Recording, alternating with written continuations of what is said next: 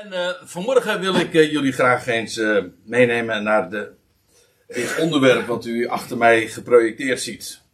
Door geloof. En die term, door geloof, die vind je heel dikwijls in heel de Bijbel. Maar ik denk toch, en daar ben ik eigenlijk erg zeker van, met name bij de apostel Paulus, dat je die uitdrukking heel vaak aantreft.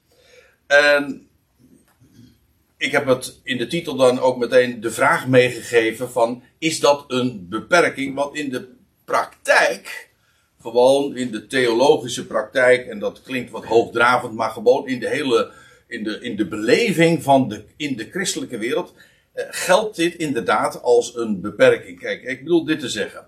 In de reformatie, dat is al enige eeuwen terug natuurlijk, in 1517 begon dat, en, en toen waren er een aantal items die enorm eh, voor het voetlicht gebracht werden door Maarten Luther. En een van de dingen die hij naar voren bracht, eh, heeft een, een drietal slogans opgeleverd. Alleen de schrift, alleen genade, sola gratia, sola scriptura, maar ook alleen geloof. Of alleen door geloof.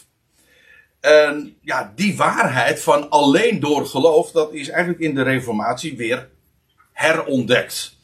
En, en waarbij Luther zich ook met name afzette tegen de, de rooms-katholieke praktijk en de leerstellingen van dat het door rituelen zou zijn dat een mens gered wordt.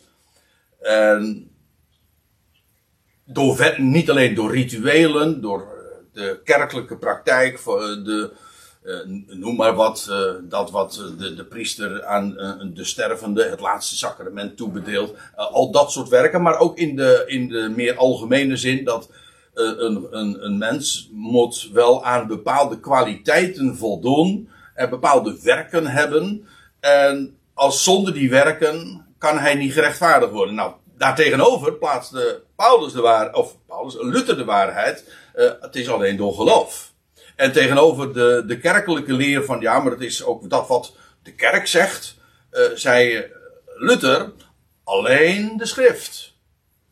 Ja, je, je gelooft het haast niet dat, uh, dat Luther dat zo zei en, en, en, en dat daar eigenlijk het protestantisme uit voortgekomen is. En terwijl het protestantisme uh, in no time weer veranderde in, in slogans schrift en beleidenis dit is uh, vooral de frase in de Calvinistische wereld, hè, waar men altijd zo spreekt, schrift en beleidenis. En dan bedoelt men de zogenaamde formulieren van eenigheid. Met andere woorden, ja, het is niet alleen de Bijbel, maar de wijze waarop die in de beleidenis van de kerk, of de beleidenissen, is geformuleerd.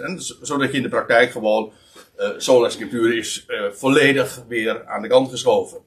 En als je nu zegt, en in de praktijk zegt van, alleen de schrift is de autoriteit, dan ben je een biblicist. En dat is heel erg, schijnt het. Schijnt het. Maar ik beschouw het als een uh, eretitel. Maar goed, een, uh, ook dat een mens gerechtvaardigd wordt, niet door werken, maar door geloof alleen. Maar ik moet er meteen bij zeggen, en dit is geheel in lijn met wat ik zojuist aangaf, namelijk dat het protestantisme eigenlijk in no time weer afgeweken is van de dingen die ze had ontdekt of herontdekt.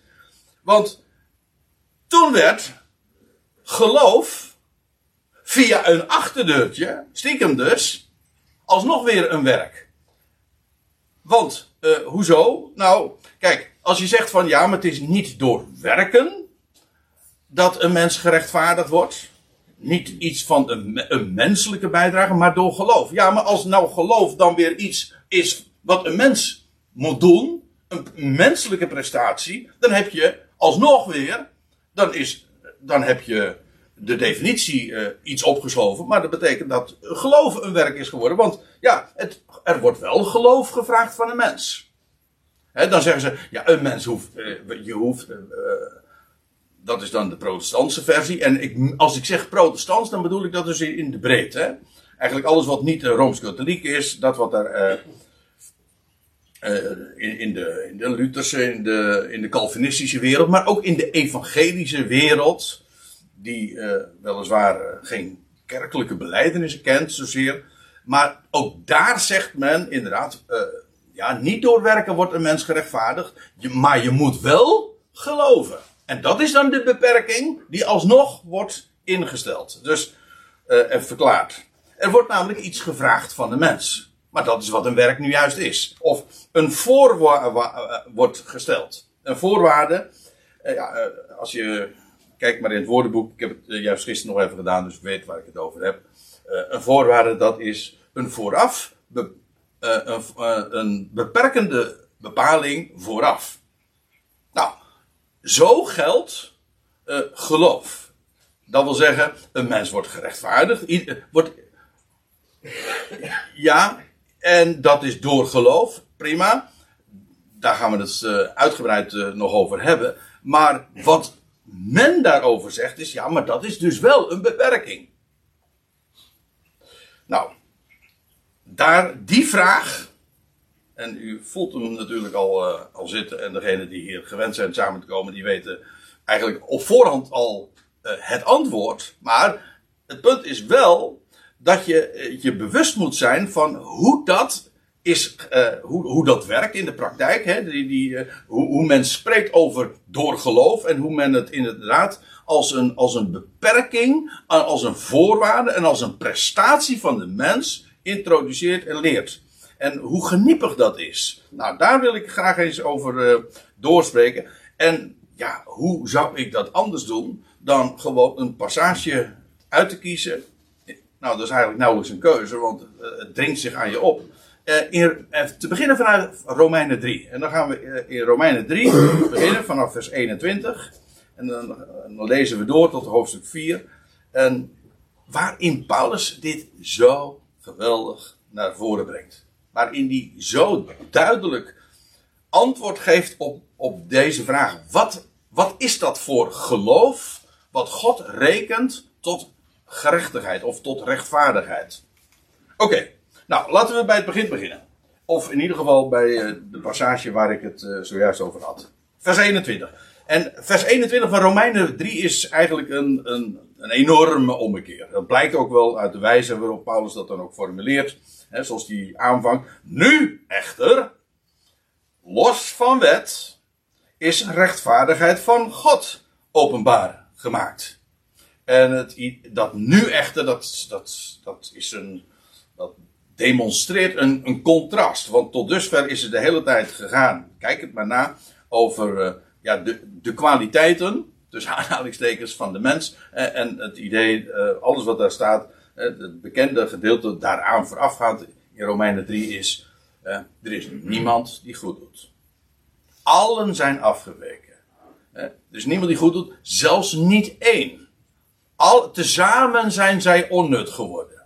En nou, een hele aanklacht eigenlijk aan de mensheid. En heel de mensheid wordt ingesloten. Ah, zodat geen vlees, dat was geloof ik vers 20 trouwens van Romeinen 3. Zodat geen vlees zou roemen voor God. Dat wil zeggen, de mens heeft van zichzelf helemaal niks. Dat is het. En ja, eh, dat is de vaststelling. En dat dat die, eh, die donkere achtergrond dient, eh, is, is juist zo door Paulus ook geschilderd, om, om, om, het, om te dienen als, uh, ja, inderdaad, als de achtergrond voor, voor dat geweldige licht, of zo u wilt, dat geweldige juweel van het evangelie, wat hij wil gaan uitstallen.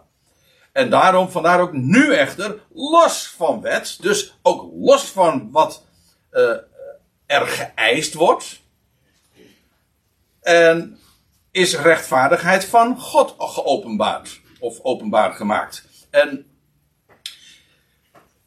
die, die term uh, rechtvaardigheid van God of gerechtigheid van God. Ja, dat wordt heel vaak uh, zo uitgelegd. Het is, het is zelfs nog sterker. In, de, in de vertaling van Lut, in, ja, de Lutherse vertaling, die zegt ook, de, die spreekt niet over de gerechtigheid van God, maar de, over de, de gerechtigheid die voor God geldt. Zo uh, met, uh, met het idee van ja, uh, God eist gerechtigheid. En, en, nu is er een, en nu is daar een gerechtigheid die voor God geldig is. En waardoor de mens alsnog wel er een optie geopend wordt, een mogelijkheid geopend wordt om te ontkomen zeg maar, aan de veroordeling. Maar het is niet de gerechtigheid die voor God geldig is. Waarbij men meestal trouwens eraan denkt dat uh, wij konden de wet niet houden. Uh, dat is dan de gangbare uitleg. Hè? Wij, de mens in het algemeen, is niet in staat om de wet te, te houden. Maar zie daar, daar is iemand die de wet wel gehouden heeft, Jezus. En die heeft dat plaatsvervangend voor ons gedaan. En dat zou dan de gerechtigheid zijn die voor God geldig is. Zodat Jezus wetsbetrachting, zeg maar, de mens wordt toegerekend. Maar dat is, heel, dat is niet, want dat zou alsnog weer een menselijke gerechtigheid zijn. Namelijk dat wat een ander heeft verdiend of plaatsvervangend voor ons doet. Nee, de gerechtigheid van God is. Kijk, als je het hebt over de barmhartigheid van God, wil dat zeggen, God is barmhartig. Hij bewijst barmhartigheid. Of ik heb het over Gods uh, liefde, dat is de liefde die hij zelf heeft. Nou, de rechtvaardigheid van God is dat hij zelf rechtvaardig is. En dat hij dat in dit geval ook openbaart. Uh, dus hij gaat nu. Hij eist geen rechtvaardigheid. Maar hij gaat nu zelf rechtvaardig handelen. En dan staat er vervolgens in, dat, in de rest van het vers. waarvan getuigenis gegeven wordt. in de wet en de profeten. Dus aan de ene kant, het, is, het staat los van de wet. Er wordt niets geëist. Maar uh, de andere kant is van het verhaal dat de, de wet en de profeten, dat is een verzamelnaam voor wat wij dan het Oude Testament noemen, of de Tenach, of um, de Hebreeuwse Bijbel. Dat is de wet, de vijf boeken van Mozes en de profeten. Soms ook nog aangevuld met de geschriften. Maar in ieder geval, uh, ja, dat is. Uh, waar we het over hebben, de Hebreeuwse Bijbel. En daar wordt wel getuigenis al gegeven van dat rechtvaardig handelen van God. Dus los van wet is nu rechtvaardigheid van God geopenbaard, waarvan getuigenis gegeven wordt in de wet en de profeten. Dat betekent gewoon, het is tevoren aangekondigd. In de Hebreeuwse Bijbel vind je dit al. Dat God zelf rechtvaardig zou, zijn rechtvaardigheid zou bewijzen. En dan denk je, in eerste instantie van, joh, maar als de mens nou niet deugt en God gaat zijn rechtvaardigheid bewijzen, dat betekent dus dat, er een, dat de mens veroordeeld wordt. Nee, het is juist de introductie voor het evangelie. En, het, de rechtvaardigheid van God die geopenbaard wordt, is, uh, spreekt ook niet van, van veroordeling. Nee, het betekent of van onze schuld eh, ja, je komt nou op iets, dat vind ik zo geweldig. Dat is een van de, ja, toch wel een van de grootste ontdekkingen die ik gedaan heb over, over, over die rechtvaardigheid van God. Dat heeft te maken met het feit dat God zijn belofte vervult. Altijd wordt gedacht bij de rechtvaardigheid van God aan de schuld van de mens. Maar de Bijbel eh, is de rechtvaardigheid van God juist dat hij, hij doet recht aan dat wat hij beloofd heeft. En dan praten we niet over de schuld van de mens, maar over de schuld van God. Ik weet het, in sommige oren klinkt dat blasfemisch misschien, maar u weet net zo goed als ik, belofte maakt schuld. Als God belooft iets te zullen doen, dan is hij aan zichzelf verschuldigd dat ook te vervullen. Als, en Gods belofte, ik, ik, uh, in mijn oren klinkt nu haast al een kerstlied.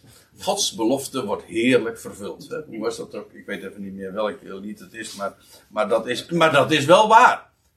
Zijn belofte wordt, en, wordt heerlijk vervuld. Vanaf de aanvang al, vanaf, het boek, vanaf de eerste hoofdstukken van het boek Genesis. Eigenlijk al vanaf het eerste hoofdstuk, hè, toen God zei: Er zijn licht. Maar dat was in feite al een aankondiging van hem die zou komen. Het zaad van de vrouw, zo u wilt, die de kop van de slang zou vermorzelen. Hij zou komen.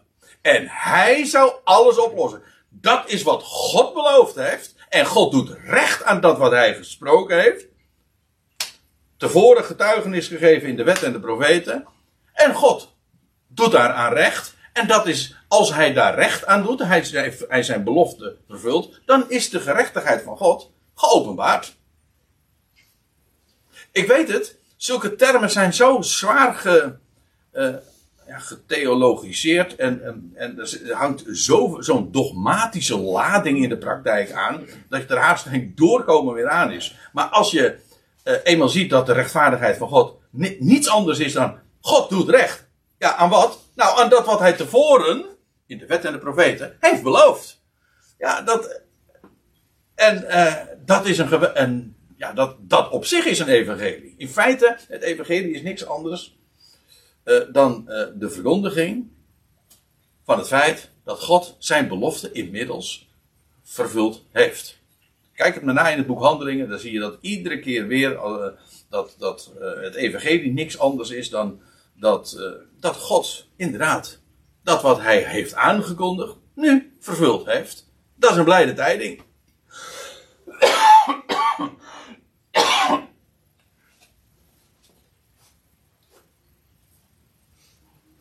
Sorry. Het moest er even uit. Oké, nou, dat, uh, dat is bij deze vastgesteld. Maar, dat staat erbij, echter rechtvaardigheid van God door geloof van Jezus Christus. In feite, die, eerder al in het boek, eh, in ditzelfde hoofdstuk trouwens, Romeinen 3, wordt in vers 3, of vers, nee, vers 3 ja, gesproken over het geloof van God. De trouw van God, maar letterlijk staat er het geloof van God. God gelooft in zijn woord. Ja, als er één gelooft in dat woord van hem, dan is hij het zelf. Want hij weet dat hij het gaat doen. Daarom heeft hij het ook beloofd. En, en, en dat hij ook bij machten is dat te vervullen. Maar nu ook, er staat de rechtvaardigheid van God. Hoe, hoe wordt dat geopenbaard? Wel door geloof van Jezus Christus. En nou hebben we meteen de. Ja, dan krijg je de ellende al. Want wat heeft men daarvan gemaakt? Kijk, maar naar in uw vertaling. Nou, de Statenvertaling heeft het correct. Hoe het zit met de herstelde Statenvertaling, dat weet ik niet. Die heeft het veranderd, hè? Ja, dat, eh, dat was ik al Ik gebruik hem nooit, maar ik, uh, ik, ik, ik meen al zoiets gehoord te hebben. Bediscussieerd en uh, ze vinden dat ze daar een, een, een, een wel overwogen terechte keuze in gemaakt hebben. Oké, okay, nou, dat het overwogen is, dat geloof ik wel. Maar of het wel overwogen is en terecht, dat. Ja, klopt. Ja, ja dus, uh, het, het, staat gewoon in een, een, tweede naamval. En natuurlijk kun je dan weer zeggen: van, ja, maar dat betekent soms ook wel gewoon dat het in is. Of, je kan er van allerlei redeneringen aan vastknopen. Maar uh, de praktijk is dat je gewoon een, ja, iets, iets zo kostbaar en zo elementair gewoon weg, wegredeneert. En oh, dat je daar allerlei mooie argumenten voor kunt bedenken, dat zal best. Maar het is toch diep triest dat je daarmee je een zo'n geweldige waarheid laat ontfutselen. Er staat hier inderdaad door het geloof van Jezus Christus. En, en de simpele verklaring van dat, van die frase is, Jezus Christus geloofde. Maar dat is toch wat we in het Nieuwe Testament zo overduidelijk vinden. Hij ging de weg van geloof. Uh, hij zegt, zie hier ben ik. In de boekrol staat van mij geschreven. En hij is de weg gegaan. En je leest in, in, in, uh, in, uh, in de Hebreeënbrief zo prachtig dat hij, nou dat is trouwens de Filippi, Filippenzen, dat hij ehm, gehoorzaam werd. Hij gaf, hij gaf gehoor tot de dood, ja tot de dood van het kruis. In de Hebreeënbrief Hebreeën 12 staat dat hij het kruis op zich nam, ziende, hoe staat het op de vreugde die hem voorgesteld was. Ja, en God heeft hem uit de dood opgewekt. En hij wist dat. En in, die, in geloof is hij die weg God had beloofd dat hij hem uit de doden zou opwekken. En de heer Jezus wist dat. Hij heeft trouwens in de evangelie, lees je dat, ook meerdere eh, malen tevoren ook gezegd. En aangekondigd hoe, en zelfs hoe en wanneer dat zou plaatsvinden. Dus hij wist dat. Hoe wist hij dat? Wel, hij, hij wist van wat er in de boekrol geschreven stond. En eh, wel, via dat, via uh, die route, en via dat geloof van Jezus Christus, wordt Gods rechtvaardigheid, namelijk dat wat hij beloofd heeft, vervuld. En dan staat erbij, tot in allen die geloven. We zeggen nog wat uh, vertalingen. Uh, die hebben daar nog de frase bij en over, en over allen. Maar in de meeste handschriften ontbreekt dat. Dus ik, ik, kies ook gewoon voor deze weergave. Dus er is uh, door, door dus gerechtvaardigheid van God is geopenbaard. Hoe? Wel door het geloof van Jezus Christus. Niet door geloof in Jezus Christus. Wel, u, u begrijpt hopelijk, ja dat weet ik wel zeker, het grote verschil het geloof van, je, van Jezus Christus is dat Hij geloofde. Het geloof in Jezus Christus betekent dat wij geloven in Hem. En daar heb ik niks op tegen. Wij, geloven in Hem. Maar de rechtvaardigheid van God wordt geopenbaard door het, door het feit dat Hij de weg van geloof ging. Dat is de basis. En daar geloven wij in, ja. Dat is waar. Maar eh, de rechtvaardigheid van God wordt geopenbaard door zijn, door zijn geloof. Het is niet moeilijk. Wel moeilijk gemaakt. Dat wel. Maar het staat bij, en tot in allen die geloven, want er is geen onderscheid. Eigenlijk wat hier staat is, voor wie het maar geloven wil. Het is namelijk geen beperking. Hier wordt, eh, want dat is uh, wat we straks ook nog zullen zien, iedere keer weer dat doorgeloof, en hier ook tot in allen die geloven. Ja, maar dat is geen beperking. Als gezegd wordt, door geloof dat God dat doet, hè, dat een mens dat een mens gerechtvaardigd wordt door geloof, daarmee wordt het instrument aangewezen hoe God dat doet. Hoe rechtvaardigt hij een mens? Wel, inderdaad, door geloof. Is dat een beperking? Nee, helemaal niet. Hij zegt alleen daarmee hoe hij elk mens gaat rechtvaardigen. Dat is geen beperking. Dat is het aanwijzen van de methode of van de, de wijze waarop of het instrument dat hij daarvoor kiest. Door geloof. Er is geen andere weg. Dat is waar. En er staat hier ook bij, eh, tot in allen die geloven, als je het heel letterlijk neemt. Kijk, die mededeling van Gods rechtvaardigheid, die openbaar is gemaakt, door het geloof van Jezus Christus, dat is een mededeling, is een bericht. Het is geen aanbod trouwens. Dat is trouwens ook een, een typisch protestants term, hè? het aanbod van de genade. Nee, het is geen aanbod. Het is een mededeling. En waar komt dat binnen? Tot in allen. Ja, hoe komt een mededeling, een bericht nou binnen? Dus ik, ik, vind het wel mooi dat er hier inderdaad staat. Um, ja, tot in allen. Dus dat, dat Griekse voorzet, dat is letterlijk tot in. En ik, ik, neem dat eventjes heel letterlijk. En dat betekent, hoe komt dat een bericht nou binnen bij een mens? Nou, A, via het, via, sorry? Goed. Goed, ja, hoe komt het binnen? Ja, als een goed bericht is. Uh, ja, en hoe komt het goed binnen? Nou, dat gaat, uh, dat is trouwens Romeinen 10. Dat gaat via het gehoor. Je moet een bericht eerst horen. En dan komt het binnen. Maar dan is het nog, dat hoeft, je kan het horen. En dat gaat, dan gaat het hierin, dan gaat het daar weer uit. Dat kan ook. Maar uh, als het echt, echt binnenkomt, en dat bedoel ik in het hart komt, ja, dat is door geloof. Hè? Dat, je het, dat, het, dat het land, zeggen we dan. Dan komt het binnen. En als een woord echt binnenkomt, dan, dan zeg je amen. Kijk, dan tot in. Hoe komt dat, dat die mededeling van Gods rechtvaardigheid door het geloof van Jezus Christus? Hoe komt dat binnen? Wel, door geloof. Ook dat is geen hogere wiskunde. Dat is, de hele, dat is uh, hoe we weten dat een bericht al überhaupt bij iemand binnenkomt. Namelijk door gehoor, door, uh, door, via het oor, normaal gesproken. en, en dus door, door gehoor te geven. Dat is eigenlijk ook wat gehoorzamen is. Gehoorzamen betekent niet dat je iets doet uh, wat gezegd wordt, dat is weer de wet. Maar dat je gehoor geeft aan wat beloofd is en of een mededeling die gedaan wordt. Je geeft daaraan gehoor. En ja, wie opent oren? Wie geeft, wie, het oog dat ziet, het oor dat hoort, beide heeft Jaweh gemaakt.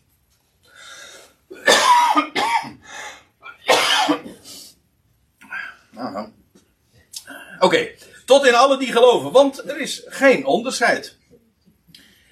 Um, want staat er, ja, dit is uh, zo'n geweldige toelichting. Want staat er, allen zondigden. Dat hoeft Paulus in dit geval niet meer uh, toe te lichten, want dat, had hij namelijk al gedaan in het voorgaande. Alle zijn afgeweken, alle zondigden. Nou, en, en dan staat er ook nog bij, eh, zonder enige uitzondering. Vandaar ook dat er staat, want allen zondigden. Dat sluit natuurlijk, ehm, dat is eh, een, eh, dat is een toelichting op, eh, er is geen onderscheid. Want allen zondigden. Wie dan? Nou, allen. En dat betekent inderdaad gewoon iedereen zonder uitzondering of zonder onderscheid. Want allen zondigden en hebben tekort van de heerlijkheid van God. Of andere vertalingen, de meeste zeggen eh, zoiets als derven. Het is mij om het even, maar ze komen, eh, eigenlijk is het inderdaad, ze komen tekort. En daarbij is de vraag niet hoeveel ze tekort komen. In feite wordt hier gewoon iets aangewezen. Ik bedoel, of je nou zwaar gezakt bent of je bent een beetje gezakt, ben je, bent gewoon gezakt. Ja. Of je, bent bijna geslaagd. Ik heb daar een heel, ik ga dat nu niet uh, toelichten. Dat is een mooi verhaal, heb ik daar ooit over gehoord. Uh, dat heb ik meegemaakt, maar bijna geslaagd. Nou, dan ben je gezakt dus. Ja. En dat is de, het, de tragiek van de mensheid. En er zijn, er zijn sommigen die bijna geslaagd zijn misschien. Gesteld dat. Ik, ik weet niet eens of het waar is wat ik nu zeg. Maar het, eigenlijk doet het geen bol ter zake. Je bent gezakt. Je bent allemaal gezakt. Ja. En, en je komt tekort van wat? Nou, van Gods heerlijkheid. Ja, hoeveel tekort maakt niet uit. Je komt tekort. En vandaar ook, dat is, daarom mis je je doel ook. Dat is eigenlijk wat zondigen is. Je mist je doel. Allen. Iedereen. En of je er nou ver naast zit, of uh, dat je er dichtbij, je allen zonden en hebben tekort van de heerlijkheid van God. En staat erbij, en worden om niet gerechtvaardigd in de genade van hem door de verlossing, eigenlijk de vrijkoping, maar eigenlijk de losprijs, maar dat is wat verlossing ook is, uh, die in Christus Jezus is. Maar neem deze zin gewoon zoals ze zich aandient. Het is dus allen zondigden. Allen hebben tekort van Gods heerlijkheid. En allen worden om niet gerechtvaardigd. Of om niet rechtvaardig verklaard. Om niet. En als je dat nog niet begrepen had, dan, uh, dan staat er vervolgens in de genade van hem. Maar genade betekent ook om niet, zodat het in feite een, een geweldige bekrachtiging is van het is om niet. En vandaar ook dus niet doorwerken. Er, er, er, om niet betekent gratis. Je, je kunt daar niks aan toe of afdoen. En vandaar ook dat alle, zoals allen zondigden, zo zullen we allen worden gerechtvaardigd. Daar zijn geen voorwaarden aan. En dat is, uh, ja, dit is zo'n geweldige mededeling. En dat is, dit is de essentie van het goede bericht. En dit is wat we, wat we vertellen. We vertellen van een God die van deze wereld houdt. Allen zijn zondaren. Geen enkele uitzondering. En iedereen, al die miljarden mensen, die worden om niet gerechtvaardigd. Wanneer? Dat is even niet aan de orde. Maar het feit wordt gesteld. In de praktijk blijkt dus dat God daar de tijd voor neemt. En dat uh, de voltooiing van zijn plan, dat duurt nog even. Hij, ja, God heeft de tijd. Hij heeft zelf de tijden, de, de, de ionen, de wereldtijdperken gecreëerd. Dus. Maar, zoals, ik bedoel, we zijn toch ook niet allemaal tegelijk geboren. We, we zondigden toch ook niet allemaal tegelijk. Ik bedoel, dat is ook, uh, er zijn generaties achter ons. In ieder geval, dat is ook een proces. Maar het feit staat, allen zondigden en allen worden om niet gerechtvaardigd. In de genade van hem, door de verlossing die in Christus Jezus is. En dat is de mededeling. En sommigen geloven dat. En de meesten niet. En nou, ik moet er ook moet erbij zeggen, de meesten horen het ook niet. En degenen die geacht worden het te vertellen. Ja, toch? Degenen die het evangelie kennen. En die, uh, die speciaal diensten organiseren. Uh, ik bedoel, ik heb gewoon ook de kerk. Hè? De kerk. Gewoon de christenheid. Die samenkomt, die het evangelie vertelt. Vertellen zij dan dat dit, dit geweldige bericht dat allen zondigden en allen om niet worden gerechtvaardigd? Nee, dat is verboden. Als er één categorie is, nou ga ik iets heel onaardig zeggen, die ongelovig is, dan zijn juist zij het. De meeste mensen zijn onwetend hierover, want ze hebben het nooit gehoord. Als je het nooit gehoord hebt, strikt genomen, als je dit nooit gehoord hebt, ben je niet ongelovig. Toch? Je kan pas iets geloven als je het gehoord hebt. Maar je kunt ook pas iets niet geloven als je het gehoord hebt.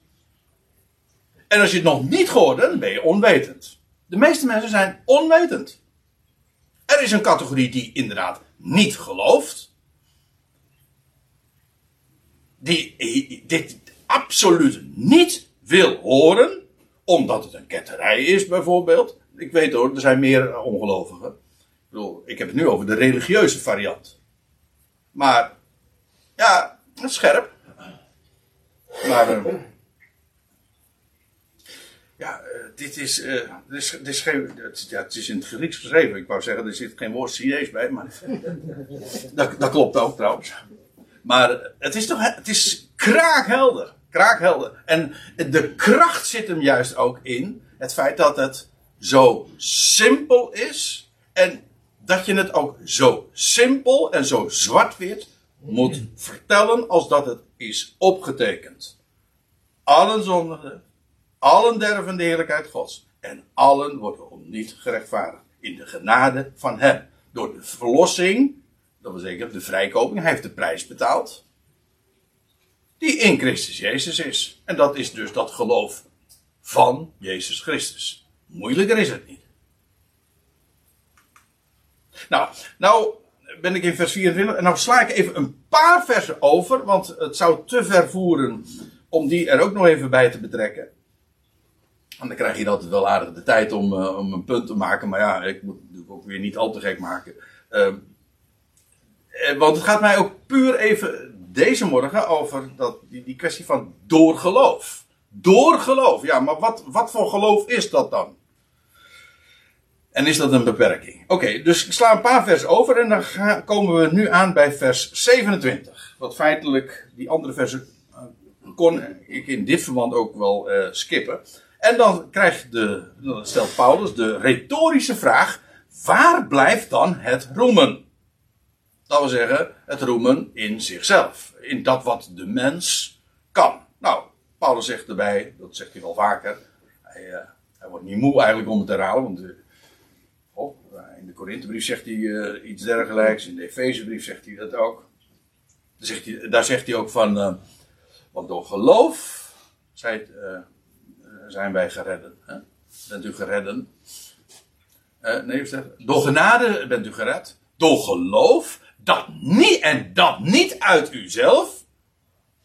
En dan gaat dat niet uit uzelf, dat slaat zowel op de redding als op het geloof. Dat niet uit uzelf.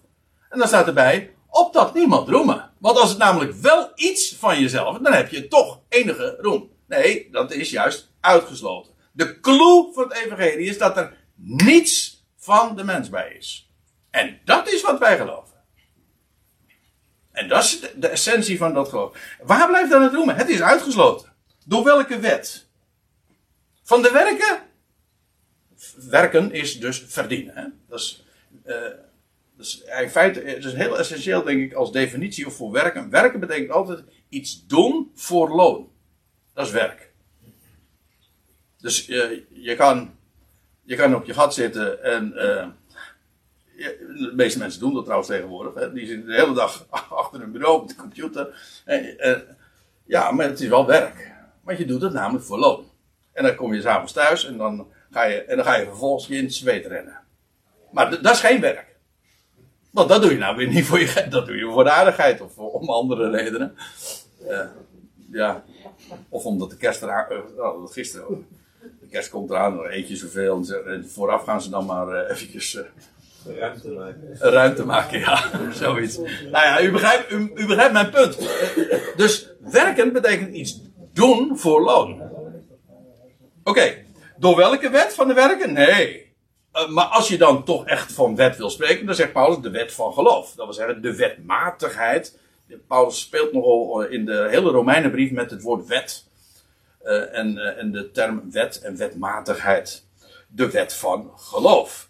En welk geloof heeft hij het over? Wel de erkenning dat God onvoorwaardelijk om niet geeft. Dat is geloof. Geloof is dus niet een prestatie, iets wat, de, wat van de mens gevraagd wordt. Nee, het is de wijze waarop God de dingen doet. En het is ook de erkenning dat Hij om niet geeft.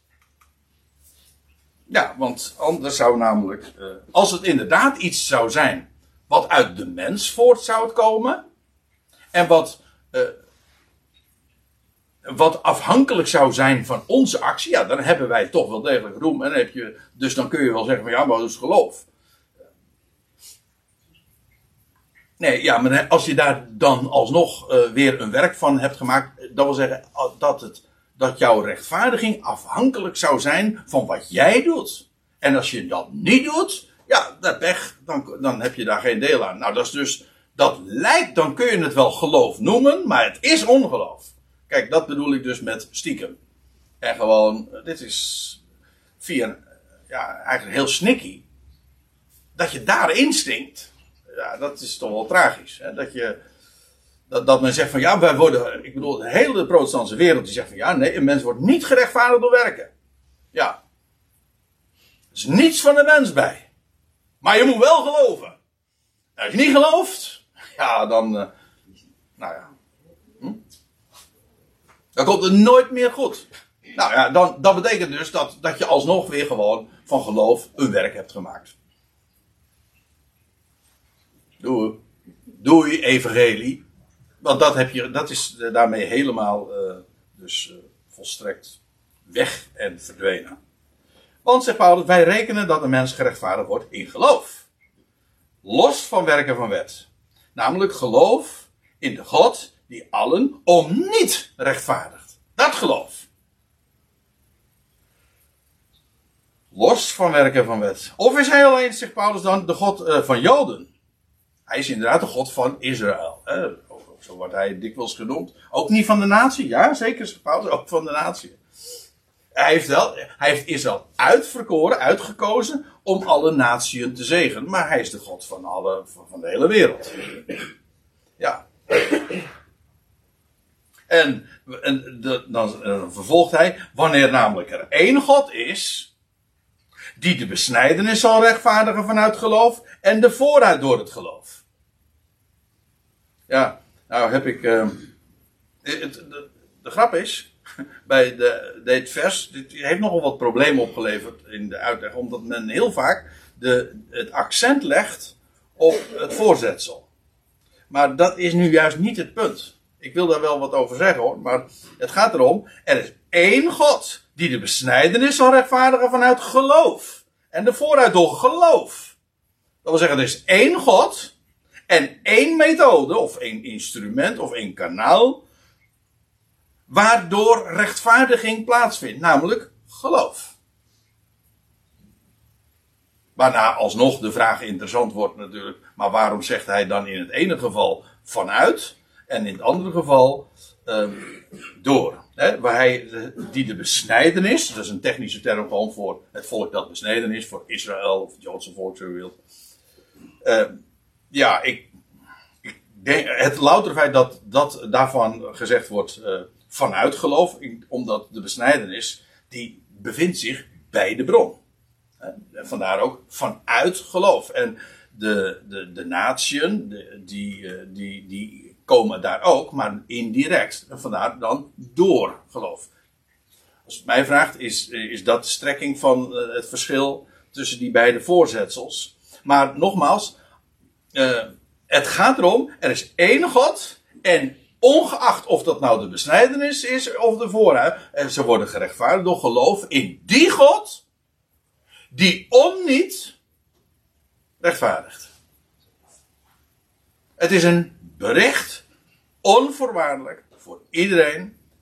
En vandaar dus om niet en in genade. En dat is dat uh, geloof.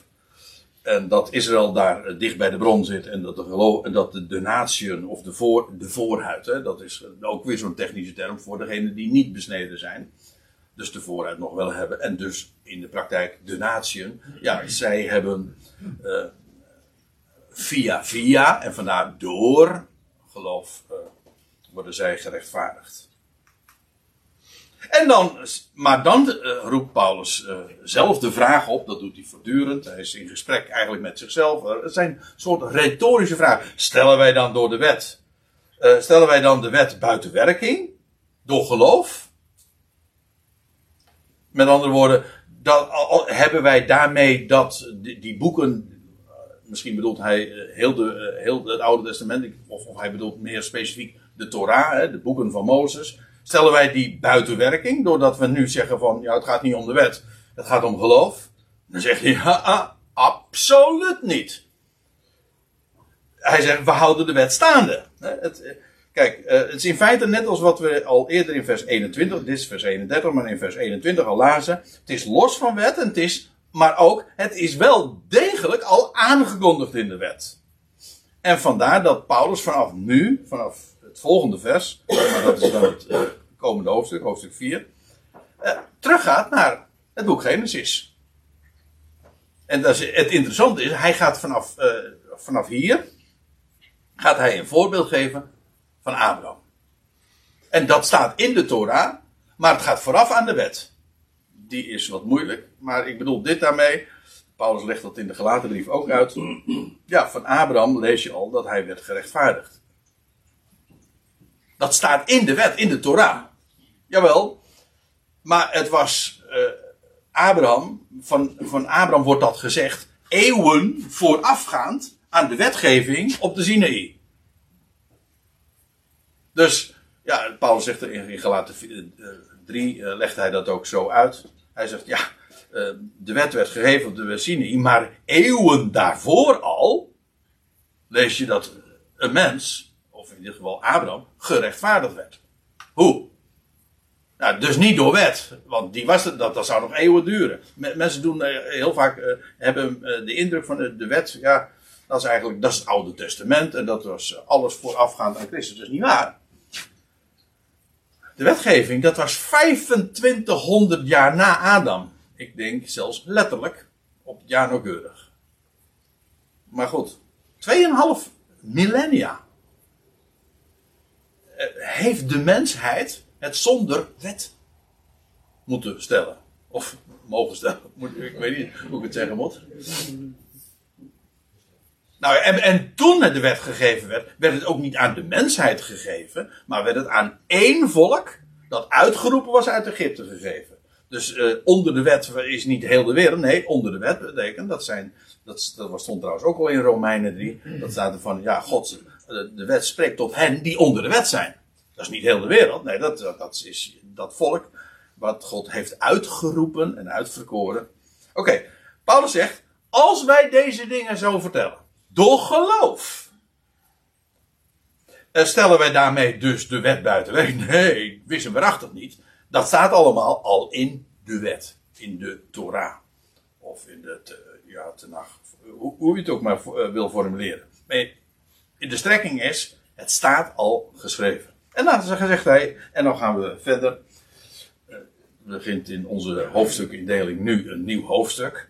Wat zullen we dan zeggen? Nou, dat Abraham, het is een wat letterlijke weergave, uh, dat Abraham onze voorvader naar het vlees heeft gevonden. En heeft gevonden, daar doelt hij op rechtvaardiging. Want dat was namelijk het onderwerp. En, en, vond hij dat naar het vlees? In de zin dus van, vond hij dat dan door dingen te doen? Hè? Door, nou, of door dingen te verdienen, door werken? En uh, eigenlijk moet ik nu gewoon doorlezen, want hij, hij, hij ligt nu toe, vervolgens, waar hij het over had. Want indien Abraham uit werken werd gerechtvaardigd, ja, dan heeft hij roem. Maar niet naar God toe. Dat wil zeggen, als Abraham nou werd gerechtvaardigd. Hè, als van Abraham nou werd, zou zijn gezegd van hij is een rechtvaardige omdat hij dingen deed. Of omdat hij dingen werkte. Of omdat hij dingen verdiende. Ja, dan kon hij zeggen van nou, dat, heb ik, dat, dat, dat is, staat op mijn konto. dan heeft hij daar, dan zou hij zich daarin kunnen beroemen. Maar dan is dat, dat zou dan eigen roem zijn. U weet het, hè? dat stinkt. Maar het is geen roem voor God. Nee, en daar gaat het nu juist om. Het evangelie is zwart-wit, niets van de mens, alles van hem. Zonder kleine lettertjes, zonder, uh, uh, zonder uh, uitzonderingen. Dit is het universele principe. Indien Abraham uit werken werd heeft hij roem, maar niet bij God toe. Want, zegt Paulus dan, wat zegt de schrift? En dan gaat hij vervolgens, uh, kan ik u verklappen, naar Genesis 15, vers 6. Dit is zo elementair, want dit komt nogal eens terug hoor, in het Nieuwe Testament. Wat hij uh, nu aanhaalt. Want dit is voor een heel belangrijk deel, eigenlijk drukt dit de essentie uit van wat hij te melden heeft. Wat zegt de schrift? En dan staat er, en dan haalt hij het Genesis 15, vers 6 aan. Dat was, dat was ook nog voor de geboorte van Ismaël. En dan lees je Abraham, uh, Abraham toen was het trouwens nog Abram. Hij had die H in zijn letter, of in zijn naam nog niet gekregen. Dat zou ook nog pas later zijn, zoals Sarah ook. Maar Abraham werd naar buiten geroepen. Hij, en dan, dan lees je dat hij op moet zien, uh, zou zien naar boven. En kun, je die ter, sterren tellen? Nou, dat is de vraag. En dan is het antwoord nee. En dan zegt God, zo zal jouw nageslacht zijn. Dus hij, hij duizelde onder de, die enorme hoeveelheid lichten die hij aan, aan de donkere hemel zag. En dan krijgt hij de verzekering van God als de sterren des hemels. Later lees je ook nog als, de, als het zand aan de oever van de zee. Zal, zo zal jouw zaad zijn. Moet je nagaan, een kinderloze Abraham. En wiens vrouw onvruchtbaar was. Dat hadden we al eerder gelezen. En ik weet het, dat krijgt allemaal nog allerlei. Uh, uh, in de loop van de geschiedenis. Uh, allerlei wendingen. En dat hulpmiddelen worden ingezet. Hagar en Ismaël en zo. Allemaal tot je dienst. Maar hier staat, God, God zegt, zo zal jouw nageslacht zijn. En dan staat er van, en Abraham geloofde God. Letterlijk in het Hebreeuws. Hij beaamde God. En het werd hem tot gerechtigheid gerekend. Een wat vreemde manier voor, van formuleren in onze beleving. Maar het betekent gewoon. God rekende Abraham tot een rechtvaardig. Als een rechtvaardige. Waarom? En ook dit is trouwens uh, nogal eens een misverstaan. Dus in, dit, in verband met dit onderwerp. In verband. Bijna elk onderwerp hoor. Maar zeker ook in verband met dit onderwerp. Zijn er zoveel misverstanden. Want ook in, als het gaat over het woordje rekenen. Wordt dat heel vaak als administratief opgevat. God, uh, God rekende Abraham tot rechtvaardige. En dan zegt men, ik heb het zo vaak gehoord. Ja, Abraham was geen rechtvaardig, maar God rekende hem zo. Wat trouwens heel inconsequent is, want er staat hier een paar versen later. Ik, heb, uh, ik heb het nu niet in het diaatje, maar daar staat er ook van. Uh, wiens uh, wordt er gesproken over welzalig of gelukkig de mens. wie, wie de Heer zijn ongerechtigheid niet toerekent. Is dat dan ook van, je, je bent niet onrechtvaardig, maar zo rekent God je? Nee, natuurlijk niet. Gewoon, hij rekent jou rechtvaardig. Hij, hij verklaart jou rechtvaardig. En voor God is er maar één ding wat telt. En dat is dat we hem nemen op zijn woord. Van Abraham werd niets gevraagd. Ik moet, dat is, dit is zo belangrijk als Abraham naar buiten geroepen wordt. En, en hij kijkt naar boven en God zegt, zo zal jouw nageslacht zijn. En Abraham zal wellicht allerlei vragen hebben gehad van, hoe, hoe gaat dat gebeuren? Maar dat staat er niet. Hij is, er staat, hij beaamde God. Amen, u zegt het. Nou, en, en, en, dan staat er, en God, voor God was hij een rechtvaardige. Je bent, waar, wat maakt een mens rechtvaardig? als je God restloos vertrouwt. U zegt het. Dus er werd niets gevraagd. Er werd ook geen voorwaarden gesteld. Hè? Dat is logisch. Als, er werd niks gevraagd, werd dus ook niks geëist. Er niet, God zei niet van, als jij nu accepteert wat ik, geloof, wat ik beloof, dan, reken, dan, dan ga ik mijn belofte dat zo jouw nageslacht zal zijn uh, vervullen. Helemaal niets. God zegt, zo zal dat zijn. En de essentie hiervan is, het, is een, het was een mededeling aan Abraham. Zo zal dat gebeuren. En Abraham geloofde die onvoorwaardelijke mededeling. En dat is wat geloof is. Dat is vertrouwen op God. U doet, u belooft het en u gaat het vervullen. En mij, in feite wat Abraham zegt, uh, met dat geloof uitdrukte. Uh, mijn geloof doet helemaal niet de zaken, want u hebt beloofd. Dat is wat hij, dat is wat hij geloofde. Eigenlijk, het, het, het, klinkt wat uh, ja, vreemd. Maar wie het vatten kan, vatten het. Geloof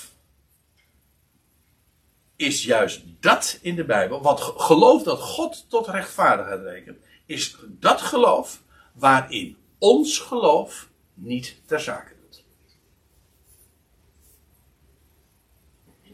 Dat, dat geloof. Ik geloof in zijn geloof.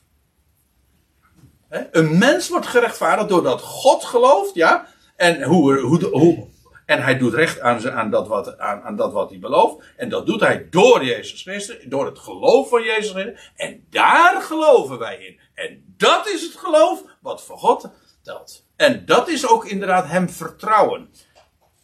Ik, ik durf het rustig zo te zeggen dat een heleboel mensen geloven in God. Niet omdat ze hem vertrouwen, maar juist omdat ze hem wantrouwen. Dat is ook wat eh, mensen zeggen, hè, van, uh, ja, als je, je, dit, want dit is natuurlijk maar wat ik, wat, wat ik nu vanmorgen hier vertel. Ja, dat zal maar makkelijk wezen. Dus ik, is altijd de, de standaard de kritiek. Standaard. Dat zal maar makkelijk wezen. Nee, je moet wel, je moet hel, hel en verdoemenis uh, prediken en je moet vertellen dat de mensen hij moet wel geloven. Je hoeft er bijna niks voor te doen. Ja.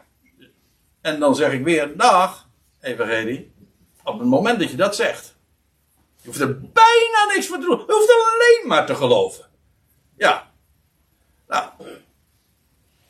Dat, is, dat zijn dus weer uh, die kleine lettertjes die uh, de, de, het hele het begrip dat gratis, wat je natuurlijk in allerlei reclame dingen ook altijd ziet van gratis en dan blijkt altijd in de kleine lettertjes dat er toch allerlei voorwaarden aan verbonden zijn. En dat is hetzelfde gedoe en de leugens die, die ons verkocht worden in de christenheid, waarbij men ook het, waar men de mond vol heeft over genade, en het is om niet, maar je mond wel.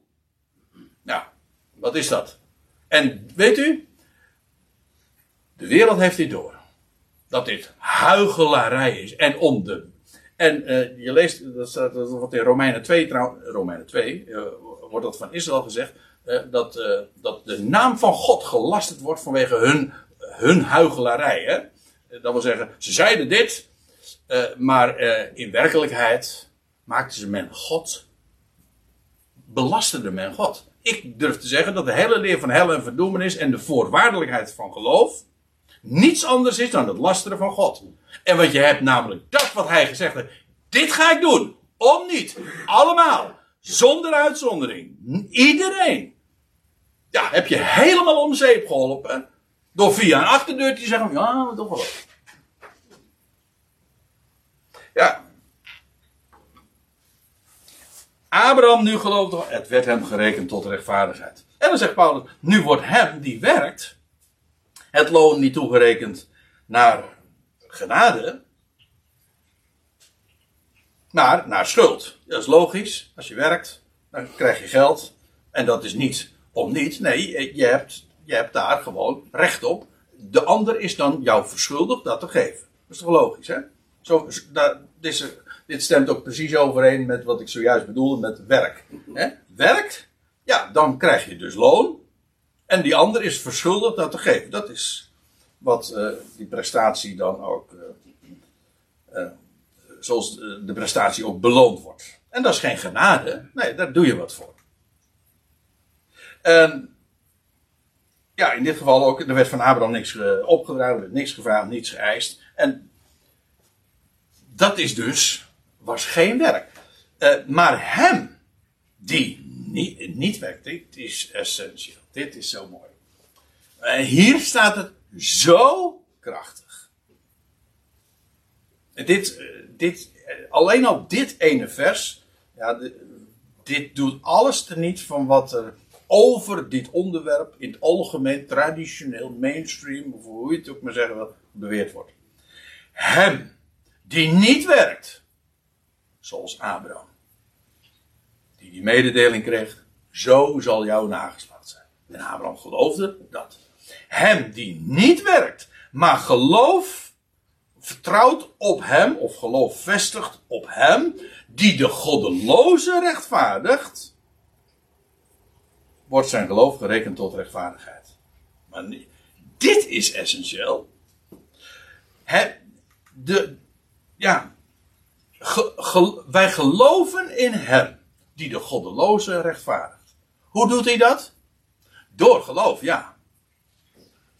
Want zo werkt God altijd. Maar als hier staat dat God de goddeloze rechtvaardigt. Dan rechtvaardigt het dus iedereen. Want dat was toch, dat was toch waar Paulus mee begon in Romeinen 3. Nee, er is niemand die God zoekt, zelfs niet één. Nou, dat is dus uh, de, de, rechtva- de goddeloze, of uh, hoe stond het, de, de oneerbiedige eigenlijk. Degene die God niet de eer geeft. Nou, God rechtvaardigt allen. Om niet. En vandaar dat Paulus ook zegt: hem die niet werkt, maar gelooft. Niet. Eh, en dan, dan hij, hij verklaart zich nader. Hij zegt het expres zo sterk. God rechtvaardigt de goddeloze.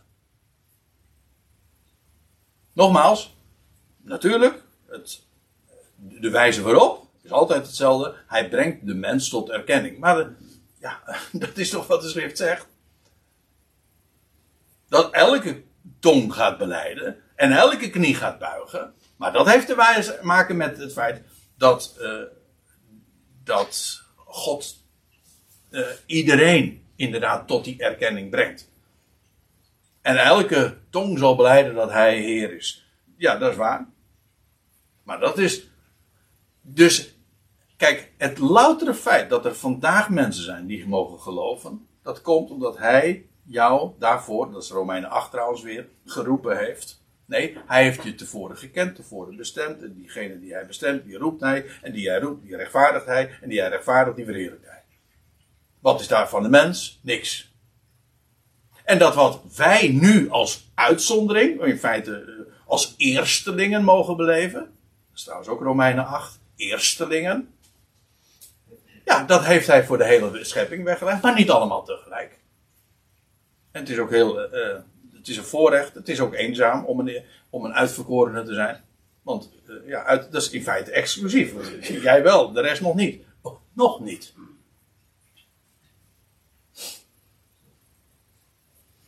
Ja, dat vind ik ook wel erg mooi om, om het, als ik het heb over ongelovigen. Dan moet je, je gaat zeggen, ongelovigen, ze, ze geloven niet. Oké, of ze weten het niet. Maar je kunt ook zeggen, ze geloven het nog niet. Elke, elke ongelovige is een nog niet gelovige. Oké, je, moet, je, moet soms wel geduld hebben. Maar het is, is geweldig als hij zo tegen de, de mensheid aan. God, God zegt allen zondigen en alle worden om niet gerechtvaardigd. En hier ook, hem die niet werkt, maar geloof vestigt op hem die de goddeloze rechtvaardigt, die wordt zijn geloof gerekend tot rechtvaardigheid. Oké, dit is positief geformuleerd, hè? Hem die niet werkt, maar geloof vestigt op hem die de goddeloze rechtvaardig wordt, zijn geloof gerekend tot rechtvaardigheid. Als ik het dus negatief formuleer, dezelfde waarheid, maar dan in het negatieve, dan krijg je dus, wie niet gelooft dat God de goddeloze rechtvaardigt, wordt zijn geloof niet gerekend tot rechtvaardigheid. Als ik het zo doe, zeg ik hetzelfde. Maar eh, dan heb ik het contrast, denk ik, wat sterker nog neergezet. Vraag maar eens. Geloof jij? Ik bedoel, je kunt wel het even, zogenaamd het evangelie vertellen, maar vraag maar eens een keertje. Geloof jij dat God de goddeloze, ongeacht wie, rechtvaardigt? nou, kom zeg. Dat zou maar. Hè? Ja, jij wel, ja. Kijk uit, beroem je er niet op hoor.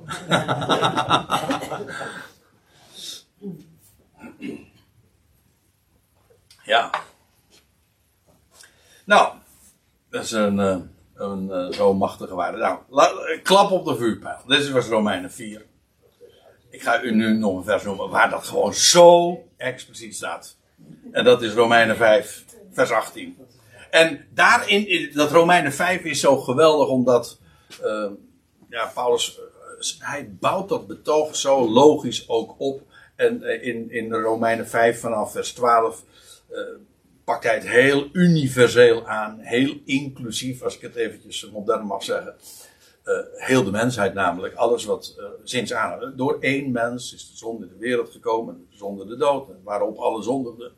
Nou ja, en, heel de mensheid, gewoon heel de mensen wordt ingesloten. En dan, en dan, nou ja, dat doet Paulus wel vaker, dan maakt wat omwegen, wat tussenzinnen en zo. En dan uiteindelijk want zoals door één mens. En dan uiteindelijk gaat hij de vergelijking afmaken. En dat doet hij pas in vers 18. En dat doet hij als een wiskundige formule. Ik vind dat vers 18 zo prachtig, omdat uh, ook qua, manier. Want het is haast. Weet u dat het, in het Grieks.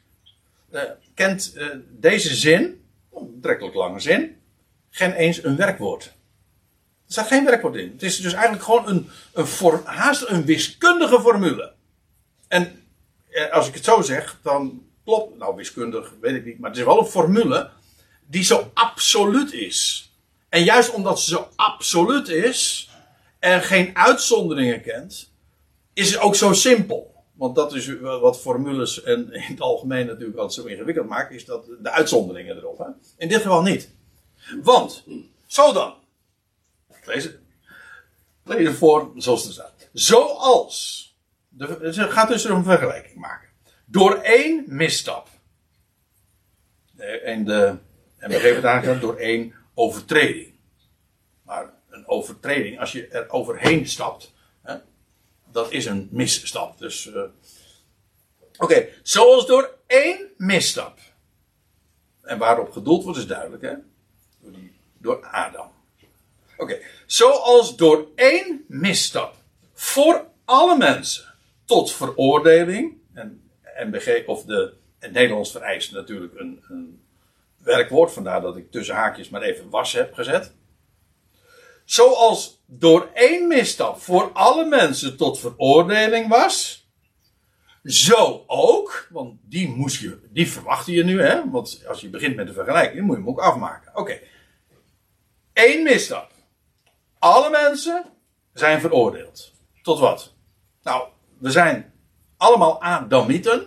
En dus zijn we veroordeeld om ook zondaren te zijn en stervelingen. En dat was je al.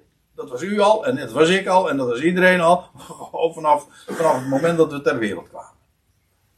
Als je, wat, wat een schattig kind. Ja, maar het is wel een zondaar.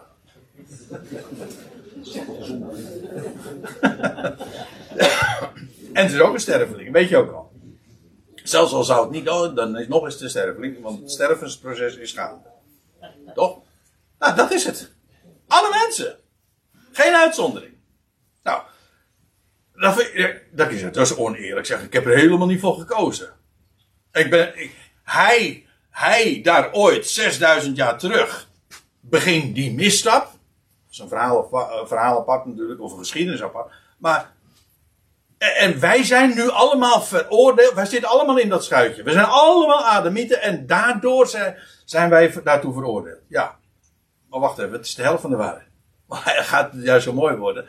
Zo ook door één rechtsuiting.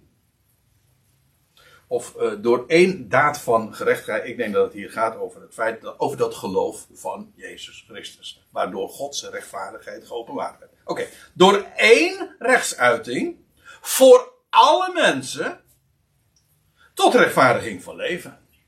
Dus alle twee keer alle mensen. Eén in geval.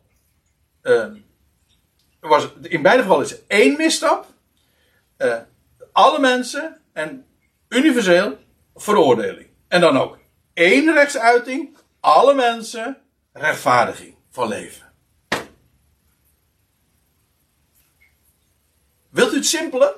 Dit, dit kan een klein kind begrijpen. dit is zo, maar ook het is zo schoon en zo mooi, zo geweldig, ja, niet in allerlei opzichten, maar ook door in zijn eenvoud. Dit is het evangelie.